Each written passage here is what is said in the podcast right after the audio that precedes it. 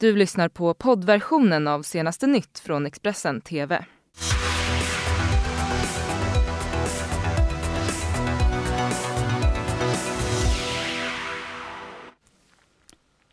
God morgon, välkomna till senaste nytt här i Expressen TV. Det är måndag den 11 november. Jag heter Ylva Johansson och det här är våra rubriker.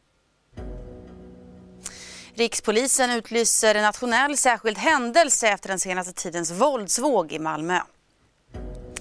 Över hundra skogsbränder rasar i östra Australien. Katastrofvarning utfärdad för Sydney. Och fortsatt låst eh, politiskt läge efter valet i Spanien. Högernationalistiska Vox eh, fördubblar sina röster. Men vi ska börja inrikes. Två bilar har nämligen krockat på E22 i höjd med Tingsta kyrka mellan Norrköping och Söderköping under natten. Fyra personer fick föras till sjukhus med ambulans och en person är nu misstänkt för rattonykterhet och grov vårdslöshet i trafik efter den olyckan. Det är dock oklart hur skadade personerna som förts till sjukhus är. Och så vidare till Helsingborg där en explosion inträffat under natten mot idag. Enligt Helsingborgs Dagblad så är det ett gym som drabbats. Detonationen ska ha orsakat skador på fasaden och entrén och polisen utreder nu händelsen som, som grov skadegörelse och nationella bombskyddet har också kallats in. Inga personer ska dock ha skadats eh, i samband med explosionen. Så utrikes. De extrema skogsbränderna i Australien fortsätter att härja. Nästan en miljon hektar har redan brunnit i New South Wales. Tre personer har dödats och hundratals människor har skadats. Temperaturerna de stiger nu i början på veckan och det väntas återigen hårda vindar vilket nu, nu tros förvärra läget ytterligare. Myndigheterna de har nu gått ut med en katastrofvarning inför att bränderna imorgon väntas nå landets största stad, Sydney. I'm joining you this morning from Taree, which is a regional centre about four hours north of Sydney on the New South Wales coastline. And it is here, the epicentre of the bushfire emergency response. Over the last 24 hours or so, people that have had to evacuate their homes and businesses have come here. They've come with horse floats, caravans, trailers, just their cars, anything they can to escape that bushfire, leaving their homes and leaving RFS, Rural Fire Service crews to respond to this emergency. We've lost more than 150 homes already, and tragically, three people have lost their lives. It's certainly been a busy 24 hours for emergency crews. Let's take a look at what the Rural Fire Service have had to say about their emergency response. We've got another 400 flying in and driving in today ahead of the conditions tomorrow. Our colleagues from Victoria uh, are sending in more than 50 additional fire trucks, which will be pre-positioned uh, in, in areas like Goulburn and in the Hunter, uh, ready for rapid deployment uh, and the bolstering of the local firefighting effort but of course, the emergency isn't over yet. The Rural Fire Service here in New South Wales is predicting catastrophic conditions tomorrow. And that's for a number of reasons. We're expecting very high temperatures, upwards of 40 degrees. We're expecting very strong winds. And of course, as you may have heard back in Canada, we've had drought conditions for several years now across this region, meaning there's no water in the soil, there's no Och med det ska vi inrikes till Malmö för Rikspolisen utlyser en nationell särskild händelse efter den senaste tidens våldsbrott i Malmö. I helgen sköts 15-årige Jafar till döds inne på en pizzeria på Möllevången och en annan 15-åring vårdas för livshotande skador efter den skjutningen. De senaste veckorna så har dessutom flera sprängdåd inträffat på olika platser i stan. Vänner och anhöriga till den 15-årige Jafar som sköts till döds vid en pizzeria i Malmö har under söndagen tänt ljus och lagt blommor på platsen. Många Malmöbor har känt förtvivlan över pojkens död och hållit en manifestation för att protestera mot våldet i Malmö. Men jag kände ganska stor eh, hopplöshet, eller blev väldigt rädd för den hopplösheten som sätter in känslomässigt. Och jag vet att den drabbar många. Eh, man tänker, kan jag bo kvar här? Eh, jag har själv bott här i 13 år. Mina barn har växt upp här. Det är en väldigt, väldigt kär gata för mig. Mordet skedde på lördagskvällen i stadsdelen Möllevången. Skottlossningen inträffade utanför pizzerian varpå ett av offren sprang in på restaurangen.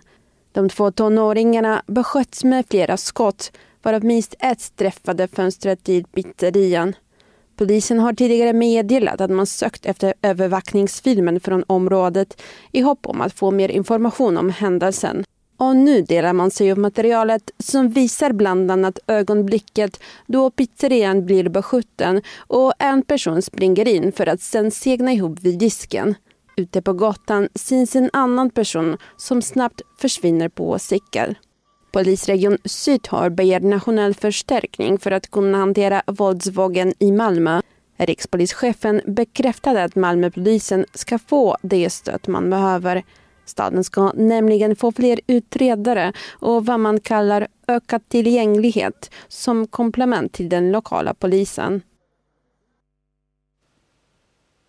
Ja, och igår kväll samlades de boende vid Möllevångstorget i Malmö i en stillsam manifestation mot våldet. Många av Malmöborna som vi träffat under dagen känner också stor oro, och chock inför utvecklingen och är enade om att någonting måste hända. Någon måste ta krafttag och det måste komma från politiskt håll. Det, polisen har fått extra resurser, det vet jag, men de räcker inte till. När man bor så nära, det är ju klart att det känns eh, extra tungt och, och jobbigt. Eh, och någonting måste ju ske nu. Eh, det är kanske redan för sent, men något, det, det måste vända helt enkelt. Jag bara hoppas att poliserna får koll på situationen och så att det kan trappas ner. En pojke i 15-årsåldern har dött och en annan pojke vårdas för livshotande skador efter skjutningen på en pizzeria i Malmö på lördagskvällen. Mordet inträffade bara några minuter efter ett sprängdåd där en bil totalförstördes. Malmö stads kommunalråd säger till Expressen att det nu är viktigt att Malmöpolisen får det stöd och uppbackning som krävs. Men hon anser dock att Malmö stad har fått gehör hos regeringen efter tidigare års rop på hjälp. Idag känner jag att man har drivit fram en del förändringar i, i, i, lagstiftningen, skärpt vapenlagstiftningen, man har inrättat en polisutbildning i Malmö som har relativt högt söktryck eh, och behovet av poliserna i Malmö i Region Syd är stort. Och vår förhoppning är naturligtvis att de här poliserna ska kunna hjälpa till och göra stor nytta ute på våra gator. Det är ju helt befängt att Malmö inte behöver eh, hjälp. Eh, jag tycker man ska, man ska tänka tanken så här om detta hade hänt någonting motsvarande i Frankrike, eller Spanien eller USA, då hade ju staten agerat. Då hade ju varit uniformerad beväpnad personal dygnet runt på städernas gator och torg. Det är uppenbart att regeringen har helt tappat kontrollen nu. Jag tror att Moderaterna tillsammans med andra partier i oppositionen borde rikta ett misstroendevotum mot Morgan Johansson och Mikael Damberg. Bara två av landets regioner, Halland och Jönköping, väntas klara sin budget inom hälso och sjukvårdsområdet i år. Det rapporterar Sveriges Radio Ekot. Sveriges kommuner och landsting menar att underskottet framför allt beror på att efterfrågan på vård har ökat. Annika Wallenskog som är chefsekonom på Sveriges kommuner och landsting säger att det bygger på att Sverige har en åldrande befolkning och i takt med stigande ålder så får man fler sjukdomar. Men man kan också se att eh, man har blivit bättre bättre på att behandla och bota fler sjukdomar vilket tar mycket resurser. Och så utrikes eh, premiärminister Pedro Sánchez socialdemokratiska parti PSOE blev återigen största parti när Spanien igår gick till sitt fjärde parlamentsval på lika många år. Samtidigt mer än fördubblar det högernationalistiska partiet Vox sitt väljarstöd. Enligt de första officiella resultaten är det socialistiska regeringspartiet PSOE som vinner nyvalet i Spanien men den stora segraren är högerextrema Vox som ser ut att mer än fördubbla sina platser i parlamentet.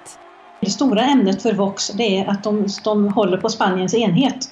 Och de, så här, oroligheterna i Barcelona har ju gjort detta aktuellt och alla spanjorer har ju sett det här på TV dag ut och dag in. Det står också klart att inget parti får majoritet och Spanien riskerar att gå samma osäkra politiska framtid till mötes som efter valet i april. Landet har ett parlament med 350 stolar och enligt en analys från tidningen El País kan det se ut så här. Ett högerblock bestående av Vox, konservativa Partido Popular och högercenterpartiet Ciudadanos kan få mellan 157 och 166 platser i parlamentet vilket inte skulle räcka till egen majoritet ett vänsterblock bestående av socialistiska regeringspartiet PSOE, Vänsterpartiet Podemos och nystartade Vänsterpartiet Mas skulle kunna få mellan 147 och 146 platser i parlamentet, vilket än mindre räcker till egen majoritet. Dödläget består och att blocken är beroende av allianser med olika stödpartier för att kunna bilda regeringar. Ja, efter valet igår så kvarstår alltså det politiska dödläget i spansk politik som ingen i vare sig vänster eller högerblocket får egen majoritet, eh, vilket också betyder att det väntar nya och svåra regeringsförhandlingar.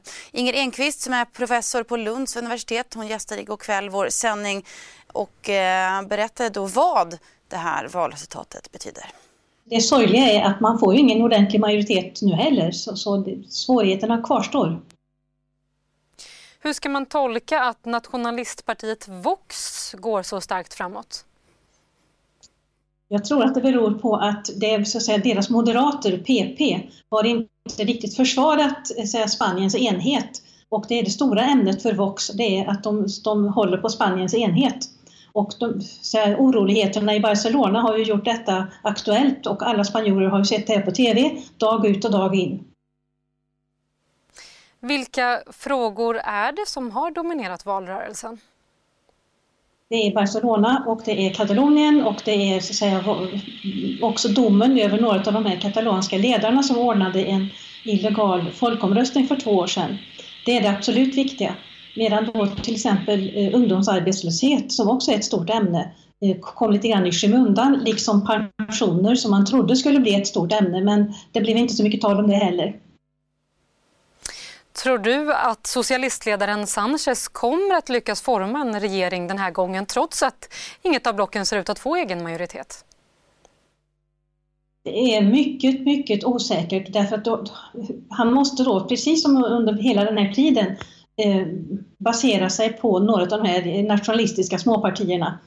Och vad som kommer att hända här, det är väldigt, väldigt oklart. Flera kommentatorer tror att det skulle bli en stor koalition mellan då socialisterna och moderaterna, PP här, eh, så som det var i Tyskland en tid. Men detta är väldigt svårt att tänka sig i Spanien. Så det värsta vore då att man vore tillbaka på ruta ett. Ja, det här är senaste nytt. Mer nyheter hittar ni på Expressen.se.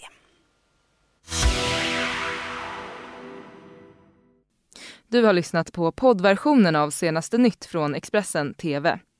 Till förordnad ansvarig utgivare är Klas Granström. Ett poddtips från Podplay. I podden Något Kaiko garanterar östgötarna Brutti och jag, Davva, dig en stor dos skratt. Där följer jag pladask för köttätandet igen. Man är lite som en jävla vampyr. Man har fått lite blodsmak och då måste man ha mer. Udda spaningar, fängslande anekdoter och en och annan arg rant. Jag måste ha mitt kaffe på morgonen för annars är jag ingen trevlig människa. Då är du ingen trevlig människa, punkt. Något kajko, hör du på podplay. Därför är gardinerna.